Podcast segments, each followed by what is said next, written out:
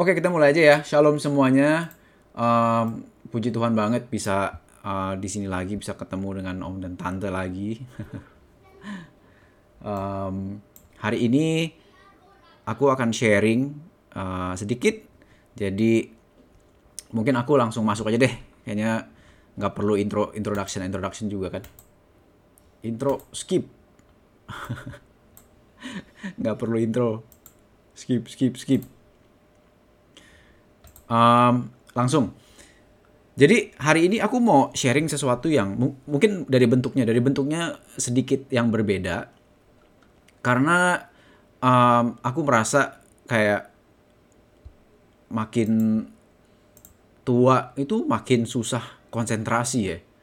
Um, nggak tahu sih, aku sih berasa, maksudnya berasa banget gitu kan. Aku sekarang udah udah kepala empat, udah 40 dan badan mulai gampang pegel, apa gampang sakit. Dan yang paling berasa itu konsentrasi itu makin kayak makin susah.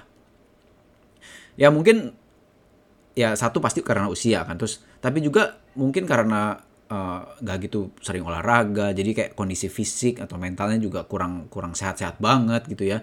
Atau kadang-kadang karena kalau kita kebanyakan kerja stres juga atau mungkin yang uh, take me, uh, apa medicine itu juga ada efek samping ya kayak gitu-gitu deh.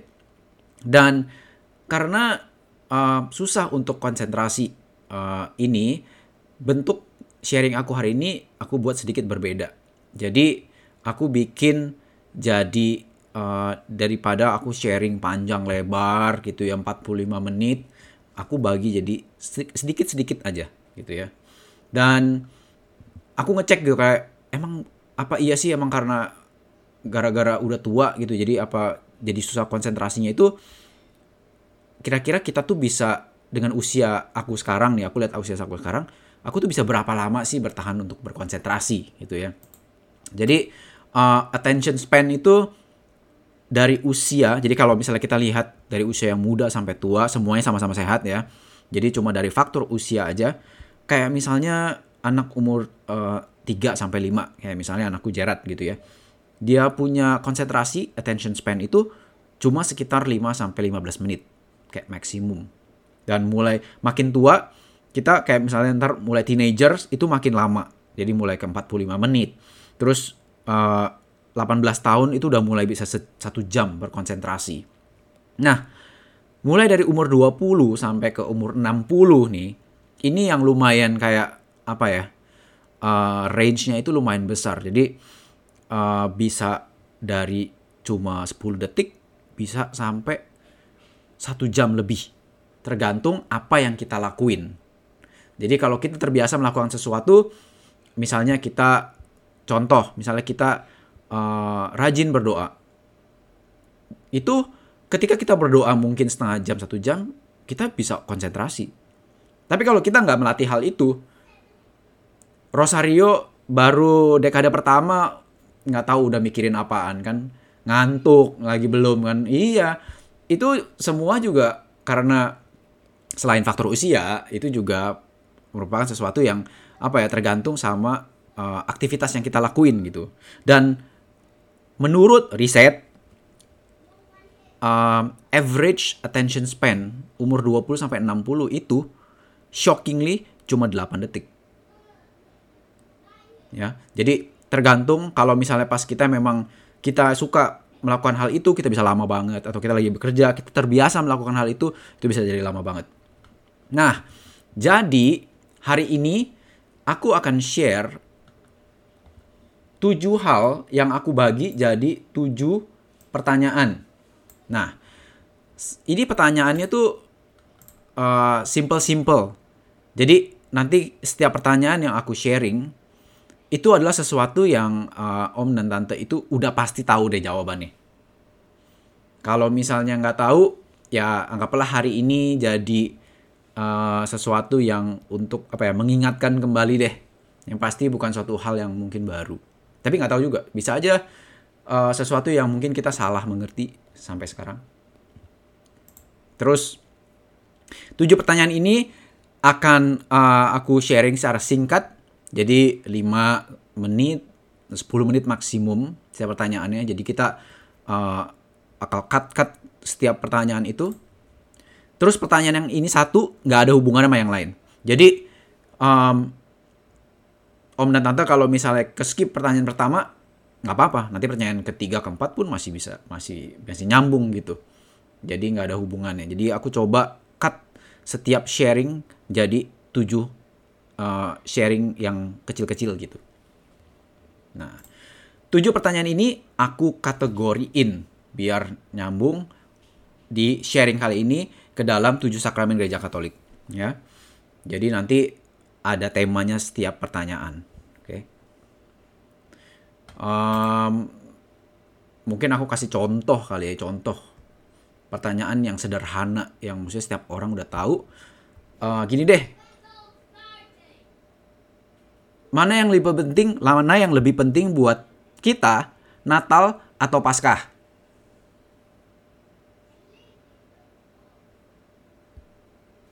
Paskah. Paskah. Kenapa? Pertanyaannya bukan atau apa? Pertanyaannya, kenapa Paskah? Karena kita ditebus dan kita menang bersama Kristus.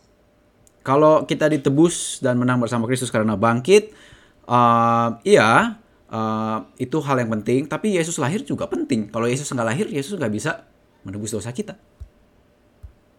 Iya juga sih. Iya. Jadi um, ini sebenarnya pertanyaan sederhana banget, tapi orang-orang banyak yang apa ya? Um, itu jawaban yang benar. Kalau yang lebih penting itu Paskah. Karena apa? Karena um, kalau kita lihat dari dari sisi liturgi, misalnya Paskah itu kita lihat aja dari dari uh, prinsip gereja Katolik. Kita di Paskah itu diharuskan terima komuni. Sementara di Natal enggak. Contoh. Tapi kenapa kalau misalnya kita belajar Bible, kenapa orang-orang atau scholars atau uh, yang uh, study itu menganggap Paskah itu lebih penting karena Yesus sudah memberitahukan kalau dia itu akan uh, istilahnya akan mati dan bangkit setelah tiga hari. Jadi semua apa yang diajarin itu hang on that particular moment. Jadi istilahnya, istilahnya nih ya gamblangnya. Kalau ternyata Yesus nggak bangkit, nggak ada lagi orang yang percaya. Karena dia tuh sebelumnya udah bilang kalau dia bakal bangkit. Tapi kalau dia nggak bangkit, istilahnya dia jadi pembohong. Dan semua yang dia ajarin sebelumnya itu jadi istilahnya orang-orang jadi nggak percaya. Jadi istilahnya nggak ada maknanya. Ya. Dan itu salah satu yang yang um, kalau dari sisi scholars mereka menganggap itu tuh penting banget. Kenapa Paskah itu so called lebih penting dari Natal. Tapi kita sebagai orang Katolik, sebagai pengikut Kristus, sebagai disciple of Christ, um, yes we we uh, celebrate Easter a bit more. Tapi ya setiap perayaan itu ya penting. Setiap setiap apa namanya uh, pesta besar itu ya penting buat kita gitu loh. Jadi kalau untuk aku pribadi, aku sebenarnya nggak terlalu ada apa ya oh Natal lebih penting Paskah lebih penting it's dalam perayaan ya tapi dalam arti dalam makna ya aku pun uh, ngikutin kalau Paskah itu lebih penting ya. nah jadi pertanyaan sederhana dan jawabannya juga sebenarnya sederhana tapi mungkin kadang-kadang kita nggak gitu tahu gitu yang benar tuh gimana sih gitu nah makanya hari ini aku aku uh, siapin tujuh pertanyaan yang sederhana dan aku harap ini juga bisa membantu Om dan Tante dan kita semua untuk uh, reflect back again tentang apa yang sebenarnya kita tahu dari uh, apa yang udah diajarkan gereja Katolik kita.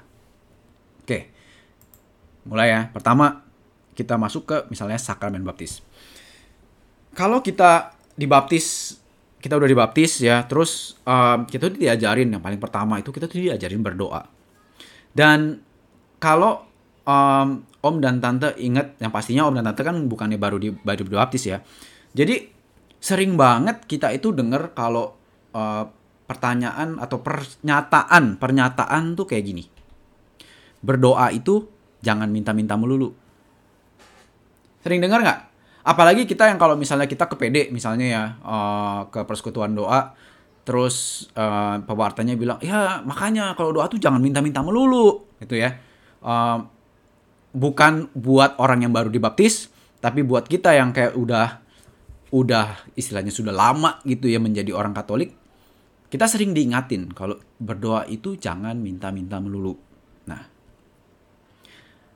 kalau aku tanya, setuju nggak Om dan Tante dengan pernyataan tersebut?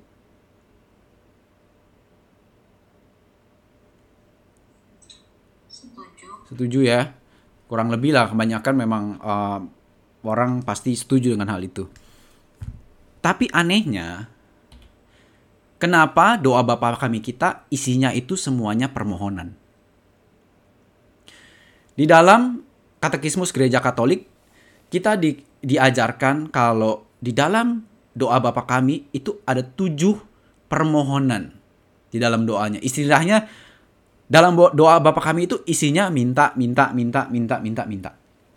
Jadi um, yang aku mau sharing hari ini di sini tentang doa ini adalah um, kadang-kadang ya kita sering kali terbawa di dalam doa kita kayak aduh kita tuh cuma mikirin diri kita sendiri kita tuh doa Tuhan aku mau naik gaji. Tuhan aku mau ini aku mau itu mau ini mau itu mau itu mau itu.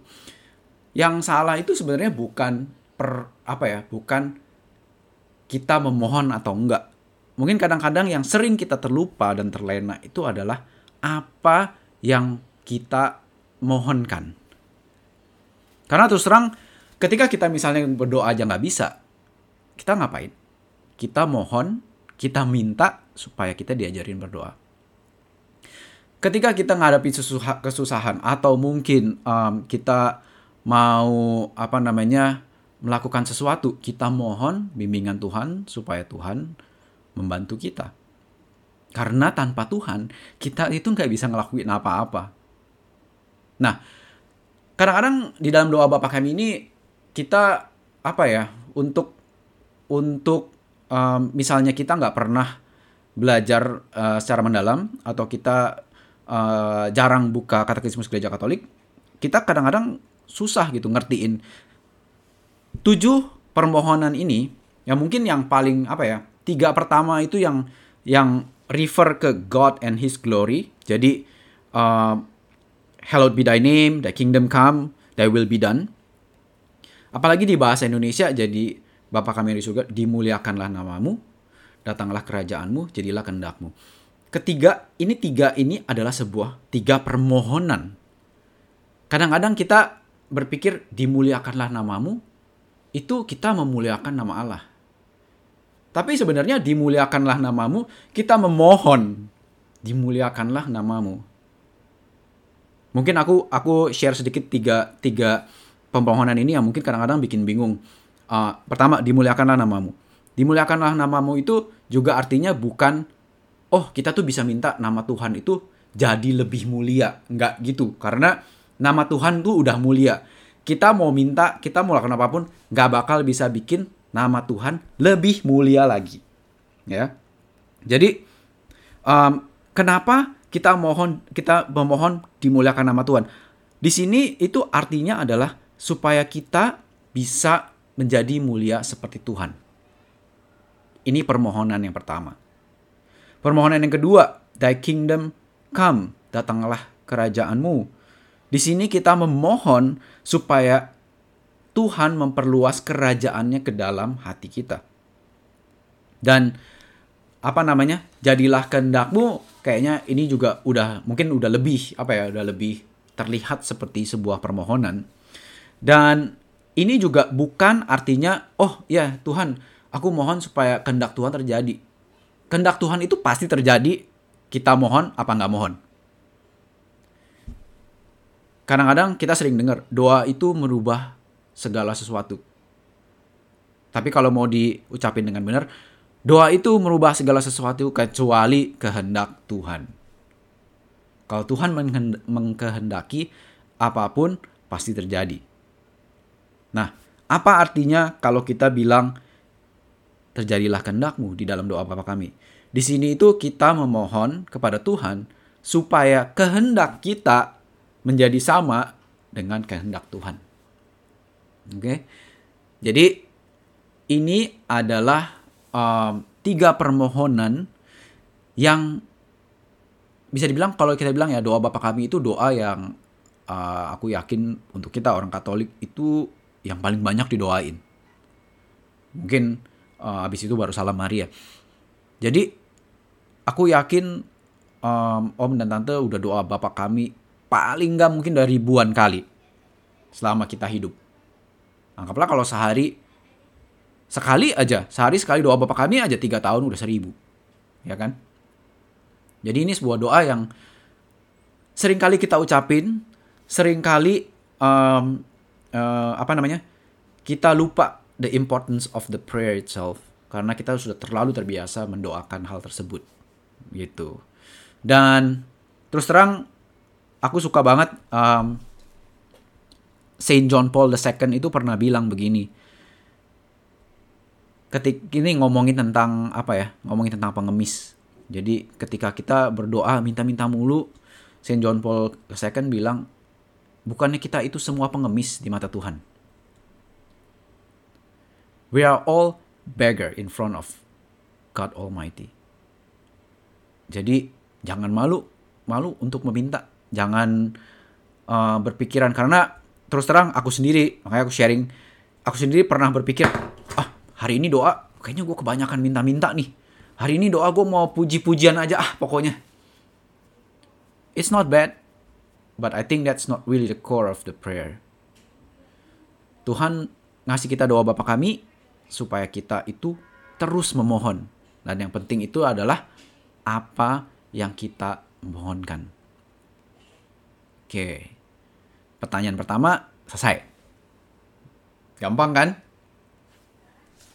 Jadi um, apa namanya? Sederhana, gampang dan aku harap apa namanya uh, Om dan Tante bisa konsentrasi paling enggak lah ya. Ya. Jadi sebelum kita masuk ke pertanyaan kedua, jadi bisa take a deep breath dulu. Aku lanjut. Klik. Oke, yang kedua. Sakramen penguatan, confirmations. Pertanyaan lagi nih. Kapan sih Roh Kudus turun di atas kita?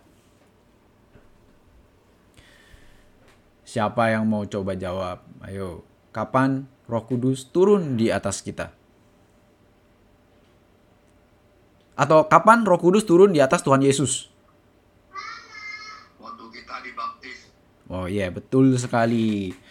Um, begitu juga um, sesuatu yang ditunjukkan oleh um, Tuhan kita, Tuhan Yesus ya, ditunjukkan oleh Dia ketika Dia dibaptis oleh uh, Yohanes, kemudian ada Roh Kudus uh, berbentuk apa namanya burung merpati turun di atas Dia. Um, buat kita juga familiar banget kalau Roh Kudus itu turun ketika kita itu diberikan uh, sakramen baptis. Dan kita dijadikan anak-anak Allah dan apa yang kita lewati dalam pembaptisan itu seperti apa yang dilewati oleh uh, Tuhan Yesus. Completely the same. Jadi ketika kita dibaptis uh, sama hal-hal yang terjadi itu sama seperti apa yang terjadi ketika Tuhan Yesus dibaptis yaitu langit terbuka uh, Roh Kudus turun di atas Tuhan Yesus dan kita dengar suara kalau uh, this is my son. Kita menjadi uh, istilahnya apa ya? Uh, dikasih tahu kalau oh ini tuh anak Tuhan. Nah, begitu juga ketika kita dibaptis, langit terbuka, Roh Kudus turun di atas kita dan kita menjadi anak-anak Allah. Tapi pertanyaannya sekarang, is it always like that? apakah Roh Kudus itu selalu turun cuma ketika orang itu dibaptis? Apakah orang mendapatkan Roh Kudus cuma lewat baptisan?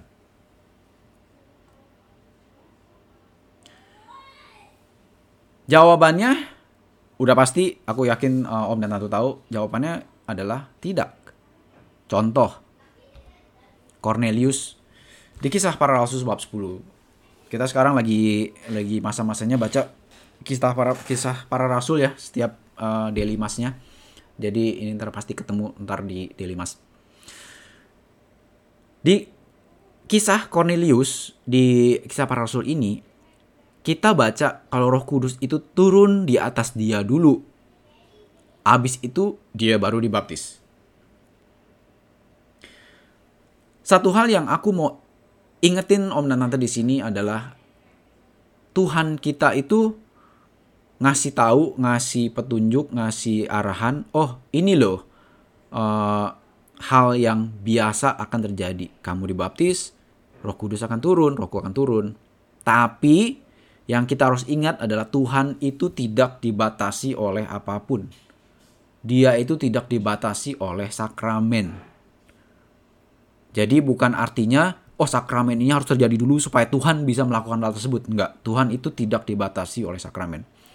Jadi kalau Roh Kudus Tuhan menghendaki mengirimkan rohnya kepada seseorang yang belum dibaptis, dia akan melakukan hal tersebut. Seperti yang terjadi di Cornelius ya. Secara ordinary, secara umum, secara familiar kita adalah kita dibaptis, Roh Kudus turun di atas kita. Tapi bukan artinya itu harus terjadi seperti itu. Begitu juga ntar kalau kita lihat Tuhan mau mengampuni kita walaupun kita nggak ke confessions? Mungkin, pasti bisa, bisa juga. Bukan artinya nggak bisa. Tapi kita, ntar kita akan akan masuk ke confessions, uh, sakramen rekonsiliasi. Oke. Okay? Jadi di sini satu hal yang aku mau uh, Om dan Tante ingat adalah kadang-kadang kita ini um, apa ya? Kalau aku mau sharing ketika kita bergelut di dalam dunia gereja, pergerejaan kita, kadang-kadang kayak aku juga kadang-kadang itu jadi apa ya? Jadi apa-apa tuh le lebih legalistik gitu lebih kayak kok ini gini sih kok ini gitu sih gitu loh ketika ngeliat orang misalnya datang telat atau apa ini kenapa sih ini orang gitu kita tuh jadi lebih ke hidup di dalam box kita dan kita tahu oh ini tuh harusnya nggak boleh begini gitu loh.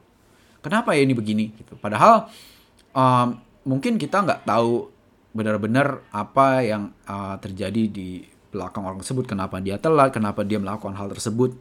Apa atau melakukan apa yang dia lakuin gitu. Dan bisa aja um, hal simple misalnya ya contoh ya kayak sekarang ini abis covid kan nerima hosti harus di tangan kan.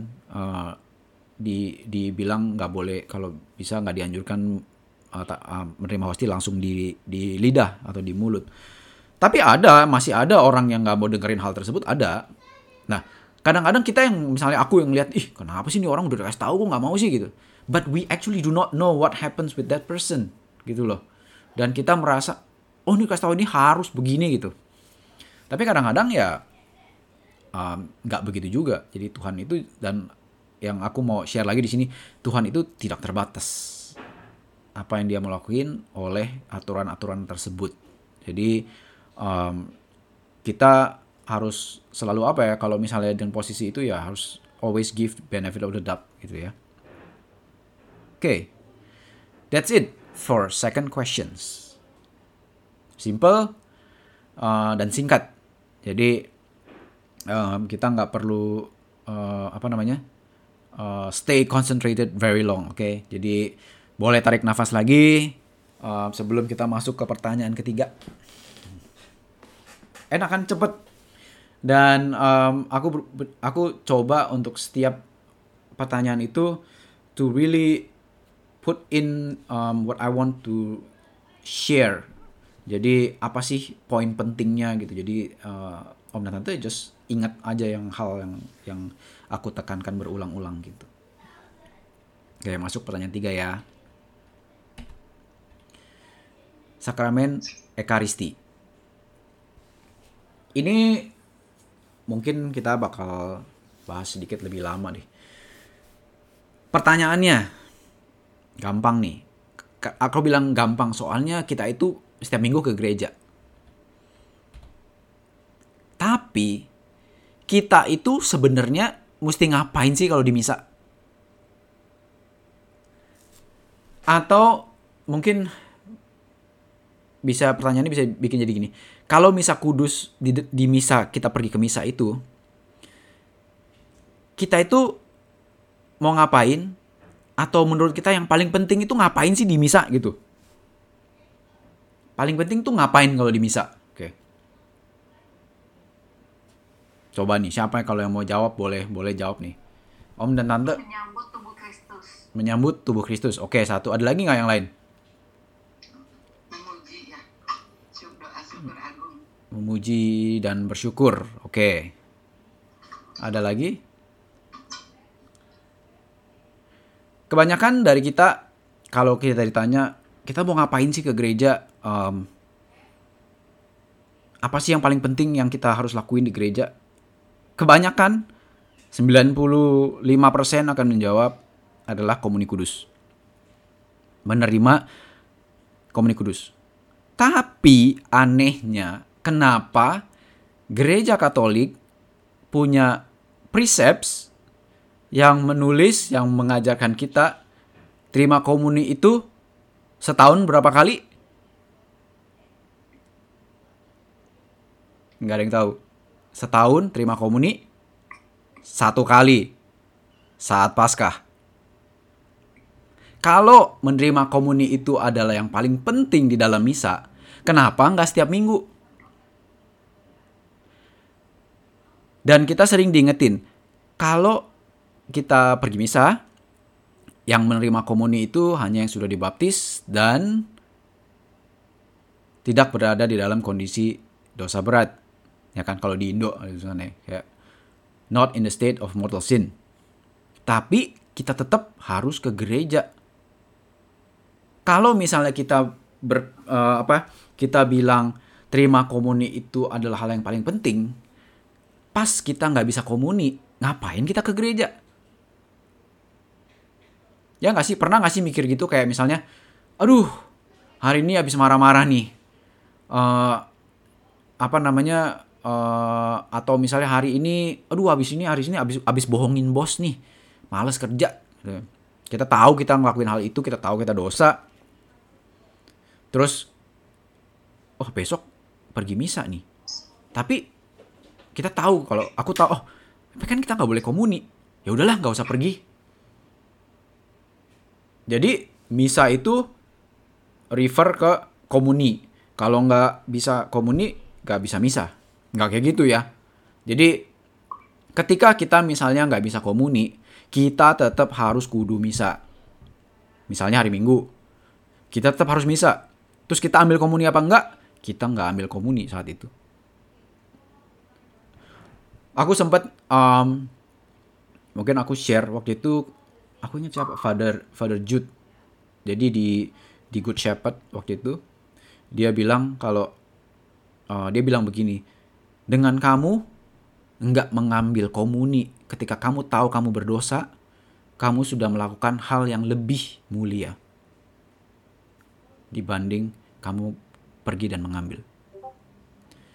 Jadi it's a nobler act to not take the Holy Communion when you know you are actually in a sinful state. Jadi kita itu benar-benar sebenarnya lebih memuliakan kita melakukan hal yang lebih mulia untuk tidak mengambil komuni kudus tersebut. Tentu saja kalau kita mau lihat dari sisi dosa ya ketika kita berdosa dalam uh, di dalam state of mortal sins kita, ketika kita mengambil menerima um, tubuh Kristus kita melakukan dosa lagi yang namanya sins of sacrilege. Um, tapi bukan itu yang aku mau sharing hari ini. Yang aku mau sharing hari ini adalah apa sih apa sih yang paling penting kalau gitu kalau bukan terima komuni. Kita belajar dari Lumen Gentium 11 dan juga dari Katekisum Katekismus Gereja Katolik CCC 1324. The Eucharist is the source and summit of Christian life. Jadi Ekaristi itu adalah sumber dan puncak dari kehidupan Kristiani kita. Ketika kita lihat dari source misalnya source um, dan sub dan summit, kita lihat apa sih yang kita terima ketika kita um, pergi ke misa kudus, merayakan misa kudus. Contohnya kita mendapatkan uh, firman Tuhan, ya selain komuni ya, kita mendapatkan firman Tuhan. Dan di dalam firman Tuhan itu kita diajarin setiap orang it's a living word kan. Setiap orang mendapatkan hal yang berbeda. Tuhan menyampaikan hal yang berbeda kepada setiap uh, individu. Dan ingat, misa itu juga adalah sebuah persembahan, ya kan? Jadi ada satu bagian di dalam misa dalam doksologi di mana uh, kita ikut mempersembahkan bersama korban kita, korban dan apa pun yang kita punya kita persembahkan bersama dengan Yesus. Dan itu hal yang penting. Tapi sekarang ya pertanyaannya adalah apa yang aku persembahkan? Kadang-kadang kita ke misa kita nggak tahu. Kita tuh misa tuh ngapain? Kita pergi ke misa karena ya udah emang setiap minggu harus pergi. Then we just sit down, we pray, and we praise, we pray, and that's it. We receive communion. But we never actually doing the sacrifice part. Ingat, Misa Kudus adalah bentuk penyembahan yang paling utama. The true worship is the mass. Apa yang membedakan penyembahan? What is worship? Apa yang membedakan worship and non-worship? Kalau kita misalnya bilang kita menyembah di dalam lagu-lagu pujian, itu bukan penyembahan. Dalam arti konteks itu bukan penyembahan. Kita memang menggunakan kata-kata aku menyembah Tuhan dan lain-lain. Tapi di dalam worship ada satu aspek yang tidak boleh terlepas, yaitu adalah sacrifice. Kalau nggak ada sacrifice, is not a worship. Nah, di sini ketika kita setiap minggu in and out, kita pergi, apa sih yang kita persembahkan? Nah, ada salah satu ada satu uh, hal yang bisa membantu kita menjadi orang Kristiani yang lebih baik. Kayak tadi aku bilang, kita mendapatkan firman Tuhan. Misalnya nih, minggu kemarin atau minggu ini kita dengerin firman Tuhan, kita dengerin homili, kita mendapatkan sesuatu. Di sesuatu itu Tuhan nunjukin kita, oh hari minggu depan Wardi kamu harus lebih rajin bekerja. Kamu sering marah-marah, kamu harus ber, uh, kurangin deh marah-marahnya gitu. Misalnya, itu misalnya aku dapat and I work that out the whole week. Aku coba melakukan hal tersebut. Mungkin hari Senin aku gagal, Selasa aku berhasil, Rabu aku gagal, Kamis gagal, Jumat gagal, Sabtu gagal. Terus hari Minggu datang lagi, aku serahin kegagalanku dan juga mungkin cuma sedikit keberhasilanku. I'm sacrificing all of that with Jesus in the mass. Jadi, kenapa makanya persiapan sebelum misa itu penting. Ketika kita misa, kita harus tahu apa yang aku mau bawa ke Tuhan. Makanya kenapa um, sebenarnya kita tuh diajarin misa itu mulai dari rumah sebelum kita sampai di gereja. Jadi bukan lima menit um, lima menit atau misa itu dimulai ketika apa uh, lagu perayaan masuk itu mulai enggak. Misa itu dimulai ketika kita udah di rumah mempersiapkan diri kita. Ya. Jadi ini penting untuk kita tahu um, supaya kita setiap kali kita pergi misa kita tuh sadar gitu loh kita tuh ngapain? Apakah misa kudus ini uh, setiap kali aku pergi tiap minggu itu membuat aku menjadi lebih baik menjadi aku membuat aku menjadi lebih holy apa enggak? Kalau misalnya enggak there's something wrong what we done every Sunday when we go to the mass. Okay. dan pertanyaan ketiga simple tapi kadang-kadang uh, apa ya kadang kadang-kadang kita lupa gitu apa yang mesti kita sebenarnya uh, lakuin. Next ya. Lanjut. Take a deep breath dulu. So far masih bisa ngikutin kan? Karena pendek-pendek ya. Kita masuk ya kita masuk ya ke pertanyaan 4 confessions Nah, ini ini ini aku rasa pasti semua orang harusnya bisa jawab. Kenapa sih kita itu mesti ngaku dosa? Tuhan itu kan udah tahu dosa kita apa ngapain gitu kita ngomongin lagi. Tuhan itu udah tahu. Dan um, kayak aku pernah share deh. Aku pernah aku pernah pernah sharing juga. Aku nggak tahu aku sharing di sini atau aku sharing di Amo Radio. Kalau aku pernah ngaku dosa tuh kayak gini. Uh, waktu aku SMP Jadi waktu aku SMP itu aku tahu ngaku dosa itu penting, confession itu penting. Tapi namanya teenagers yang kayak belagu gitu ya, gue kayaknya nggak pernah ngakuin dosa deh, gue nggak pernah tuh bunuh orang lah, berzina lah, apalah gitu kayak, gue nggak ada dosanya deh kayaknya. Tapi katanya kalau kita bilang kita nggak ada dosa, itu berarti kan kita bilang Tuhan Yesus pembohong. Tuhan Yesus itu kan uh, savior kita dari dosa. Kalau kita bilang nggak punya dosa, berarti kan kita nggak perlu Tuhan Yesus, kita nggak perlu dan Tuhan Yesus itu savior for all of us. Jadi kalau aku bilang aku nggak berdosa, berarti aku bilang Tuhan Yesus itu membohong. Oke, jadi aku pergi confession lah. Terus aku bilang gini ke Romonya. Romo, aku nggak tahu dosa aku apa, tapi aku yakin aku orang berdosa. Aku mau maafin ya, gitu. Terus sama Romonya diomelin dong. Hari itu dibentak-bentak di dalam di dalam ruang pengakuan dosa. Bukan begitu cara ngaku dosa katanya. Karena di saat itu aku nggak benar-benar memahami apa sih sebenarnya yang Tuhan kasih ke kita lewat sakramen pengakuan dosa ini. Um, kenapa kita harus ngaku dosa? Jawaban singkatnya adalah sebenarnya buat kita sendiri. Tuhan emang udah tahu dosa kita itu apa. Tapi ingat, namanya confessions itu sacrament of reconciliations. Jadi rekonsiliasi. Bukan sakramen cuma pengampunan yang mengampuni satu sis, satu satu arah, tapi rekonsiliasi di mana dua orang anggaplah dua orang berrekonsiliasi itu berarti berbaikan. Dua pihaknya akan melakukan hal tertentu. Gak cuma satu pihak, yaudah gue maafin, gak. Rekon rekonsiliasi itu butuh effort dari kedua belah pihak. Itu yang pertama. Yang kedua, Tuhan itu mau memaafkan kita di level manusia. Di mana kita itu ngerti kalau, oh lewat pastor, kita tuh ngerti, oh aku itu udah dimaafin. Kita itu denger kata-kata kita itu udah dimaafin. Dosa kita tuh diampuni, kita denger. Jadi kita tahu, oh aku tahu kalau Tuhan udah maafin aku. Kalau kita cuma dalam hati doang bilang, e, Tuhan aku minta maaf ya. Kita bisa denger gitu, bilang, oh iya aku maafin gitu. Most likely enggak. Tapi lewat sakramen pengampunan dosa ini Tuhan turun di level manusia lewat pastor yang merupakan in persona Kristi memaafkan dosa menghapus dosa-dosa kita. Jadi kita tahu juga kalau kita itu dimaafin.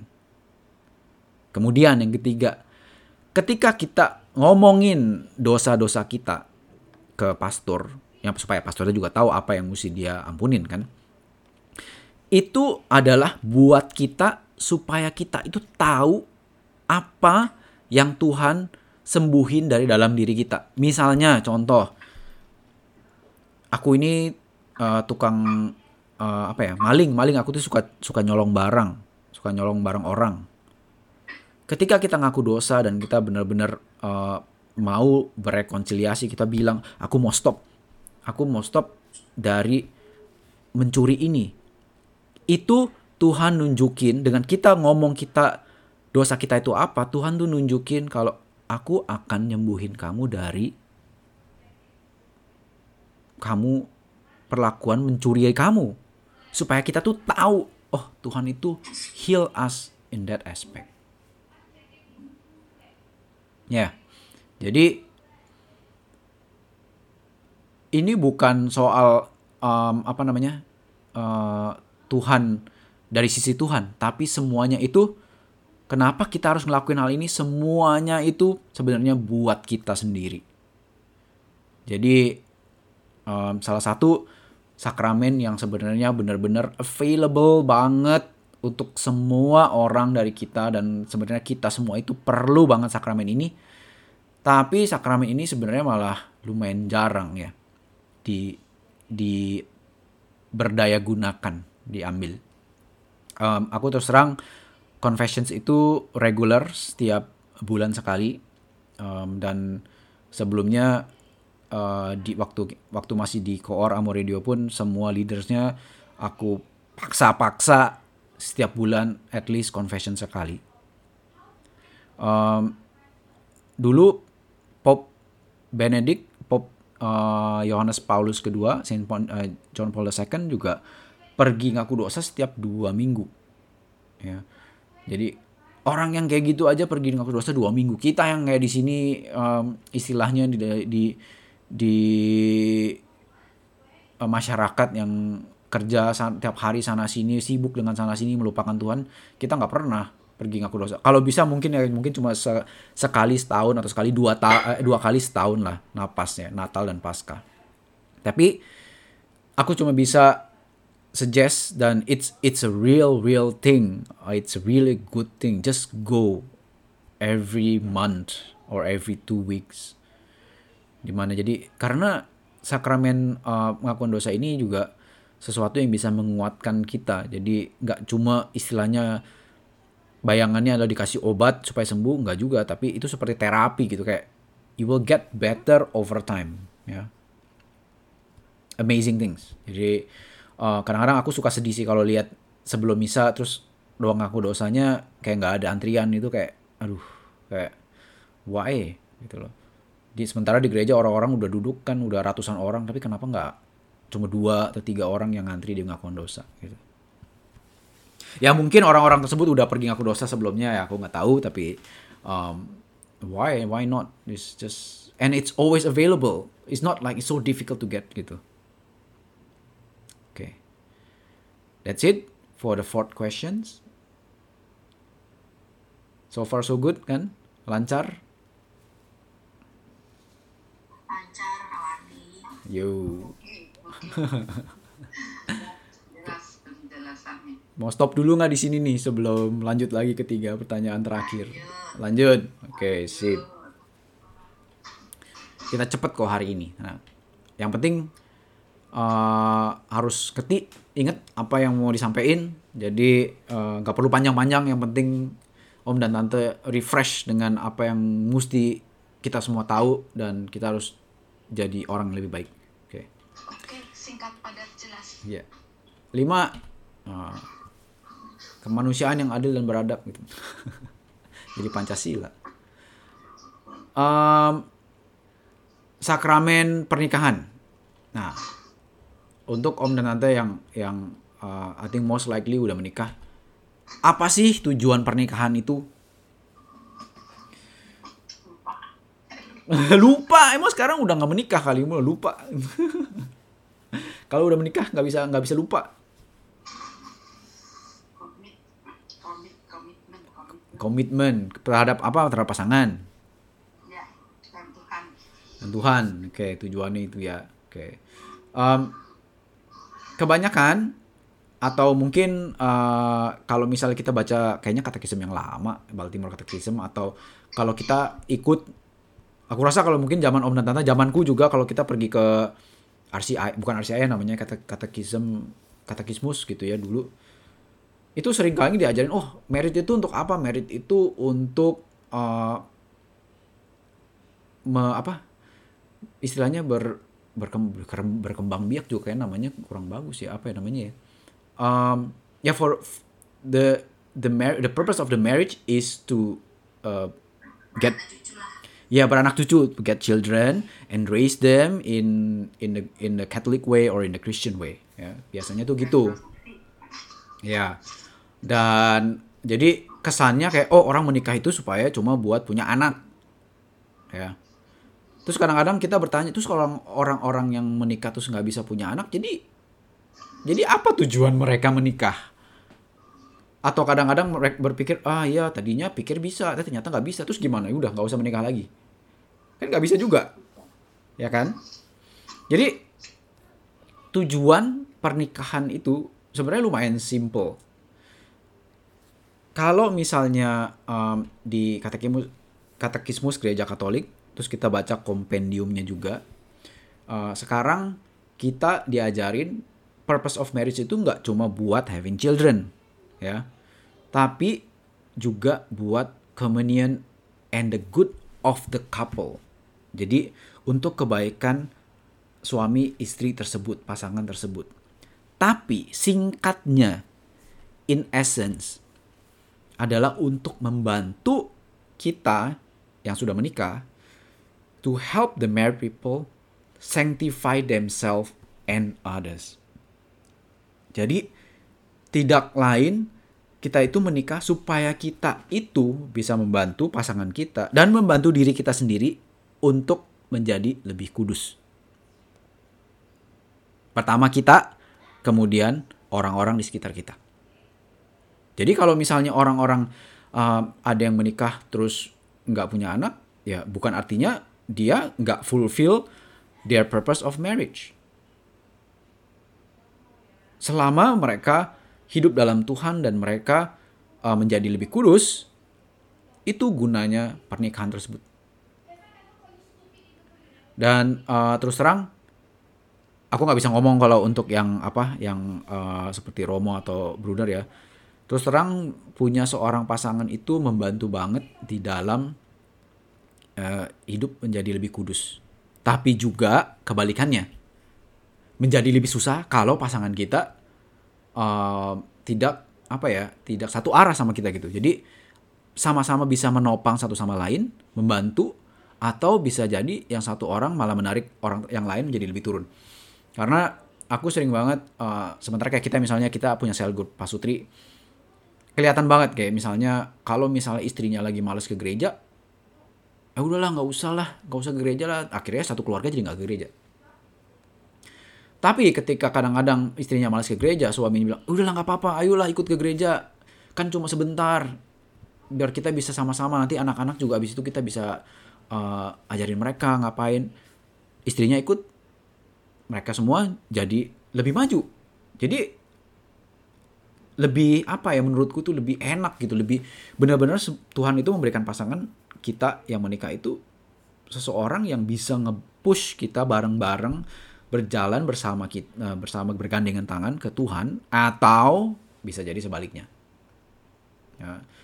dan um, it's the challenge ya it's uh, apa namanya tantangan untuk setiap uh, keluarga dan setiap pernikahan pasti ada karena terus terang kita juga tahu kalau misalnya uh, si jahat si iblis itu dia itu suka menyerang menyerang itu nggak usah yang ke kelompok besar-besar menyerang itu gampang ke kelompok yang kecil-kecil kalau kelompok kecil-kecil seperti keluarga seperti sebuah pasangan itu rusak otomatis fondasi semuanya itu rusak jadi pernikahan dan keluarga kecil itu penting. Kenapa? Makanya dibilang uh, keluarga itu adalah gereja juga, ya kan?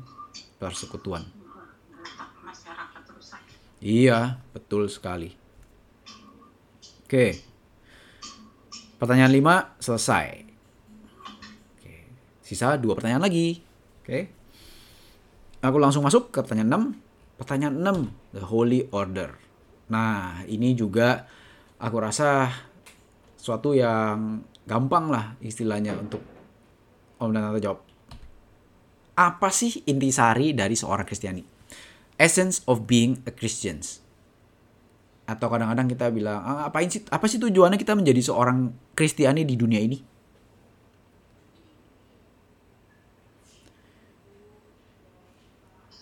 Apa yang Om Tante mau mau capai sebagai orang Kristiani di dunia ini?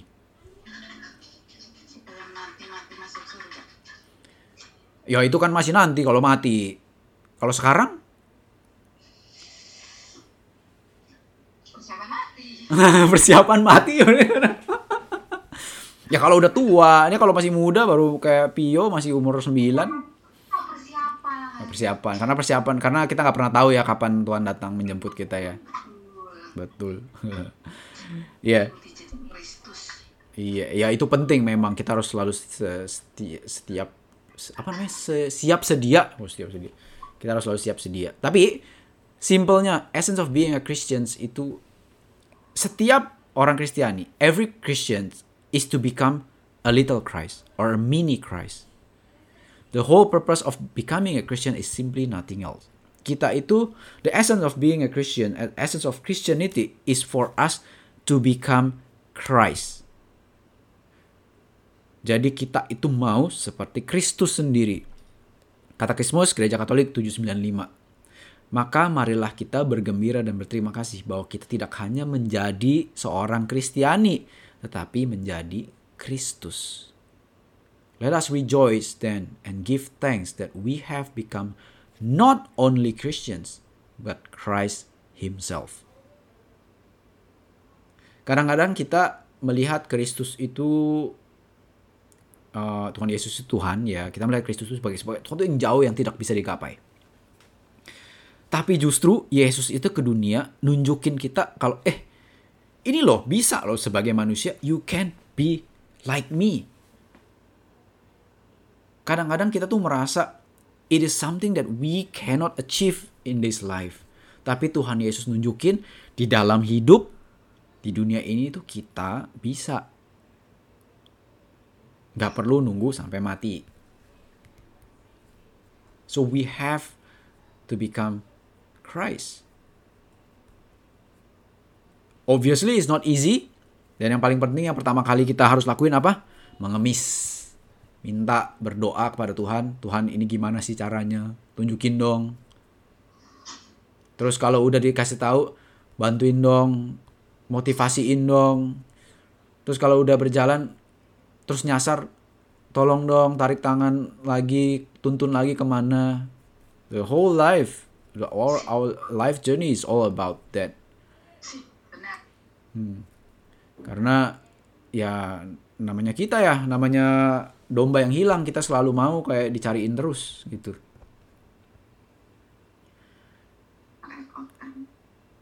jadi ingat setiap diri kita yang sudah dibaptis kita orang Kristiani kita bilang kita orang Kristiani kita mau menjadi seperti Kristus. We become a mini Christ, a little Christ. Penting, selalu kita ingat dalam diri, diri kita. Dan kadang-kadang itu membantu kita ketika kita lagi kesel banget sama orang, kita mau bentak-bentak nih orang, mau kita pukul nih orang. Tuhan Yesus di di apain aja nggak pernah balas mukul kok. We want to be Christ. Oke. Okay. Last one. Gak berasa kan? Udah 50 menit. Last one. Oke. Okay. Ketujuh. Anointing of the six. Nah, oke. Okay, sekarang. Tadi kan ngomongin nih mati. Persiapan kematian. Sekarang aku mau om dan tante bayangin. Saat ini kita semua tiba-tiba mati kita semua mati, terus kita berada di hadapan Tuhan Yesus. Terus Tuhan Yesus tanya, walaupun dia sebenarnya udah tahu jawabannya, tapi dia bakal tanya, apa sih yang kamu mau?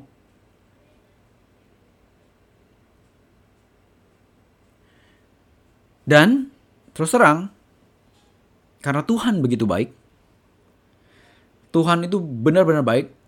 Apa pun yang kamu benar-benar mau dan minta, itu Tuhan akan berikan.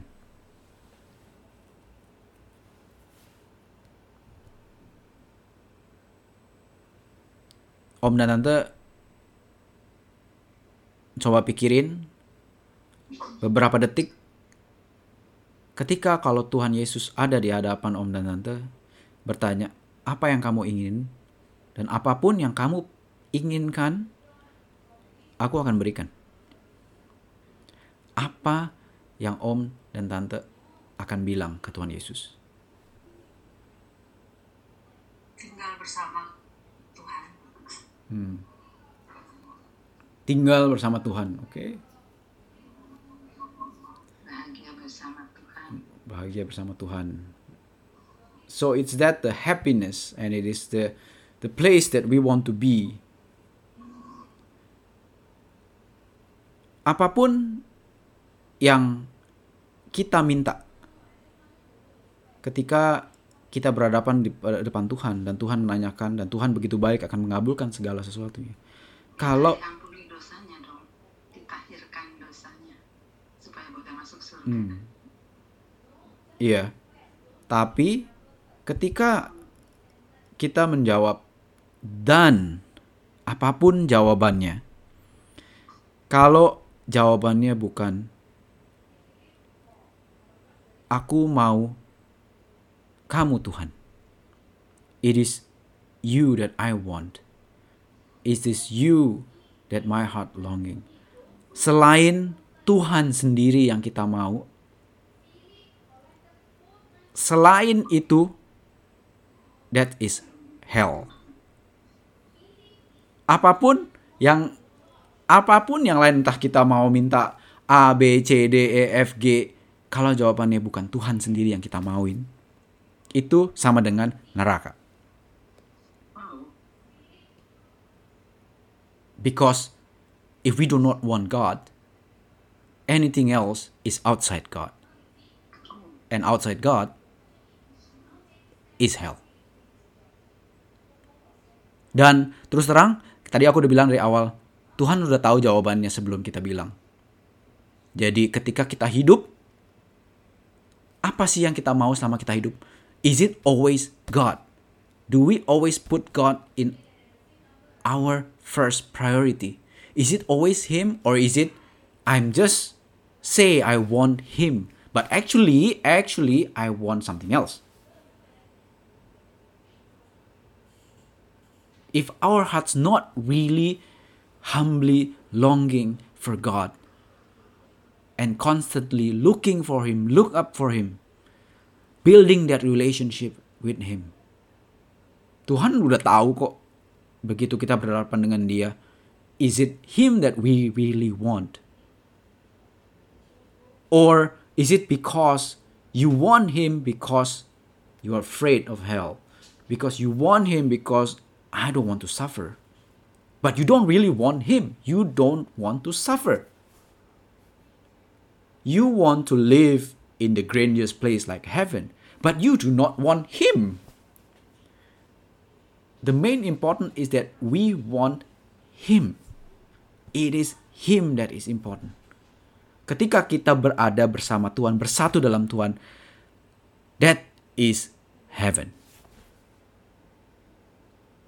Anything else that we want, anything else that we ask, is hell.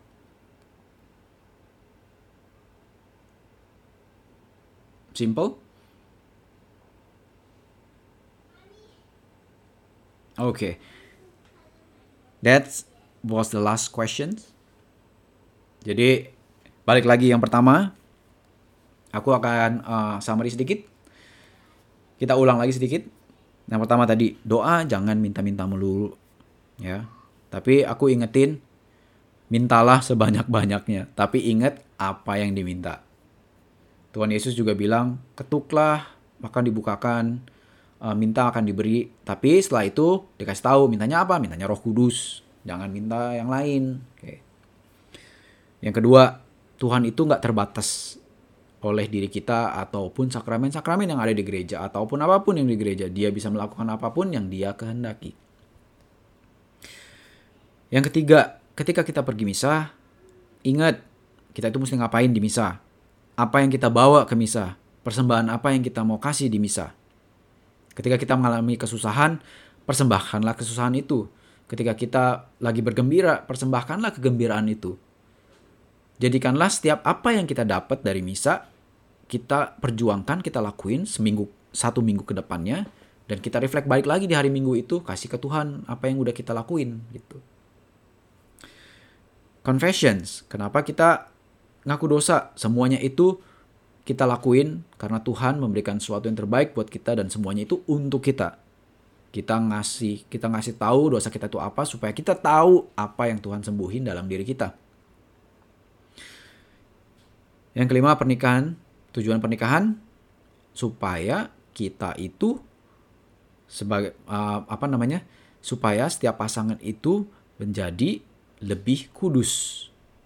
Jadi lebih holy ya, saling membantu. Makanya kita menikah. Pertujuan pernikahan nggak cuma buat um, apa namanya? Uh, having children. Having children itu juga salah satu di mana kita bisa membuat diri kita dan pasangan kita menjadi lebih holy. It's just one of the things. Yang keenam, holy orders. Kita harus ingat, the essence of being a Christian is to become Christ. Jadi kita itu bisa jadi kita bisa lihat setiap bayangin kalau setiap umat Kristiani di dunia ini seperti Kristus. I think this earth is already a, a heaven, a living heaven kan. Yang ketujuh, ketika kita meninggal, persiapan dari saat ini juga apa sih yang Tuhan akan kasih ke kita? Kalau keinginan kita bukan Tuhan sendiri, kalau kita nggak inginin Dia, then we gonna suffer. Outside God is hell. We want Him and really, really, truly, humbly Him. Tuhan Yesus nggak dengerin kata-kata kita, but He can see our heart. Apakah hati kita tuh benar-benar menginginkan Dia, mencintai Dia atau enggak? Oke, sampai sini dulu sharing hari ini. Aku harap uh, membantu dan aku harap dengan dipotong-potong kayak tadi dengan bentuk yang baru ini jadi lebih uh, apa namanya lebih gampang konsentrasinya. Um, aku harap membantu Om dan Tante juga sharing hari ini. Ya sampai sini dulu sharingku. Terima kasih. Ya, terima kasih Wati. Memang eh,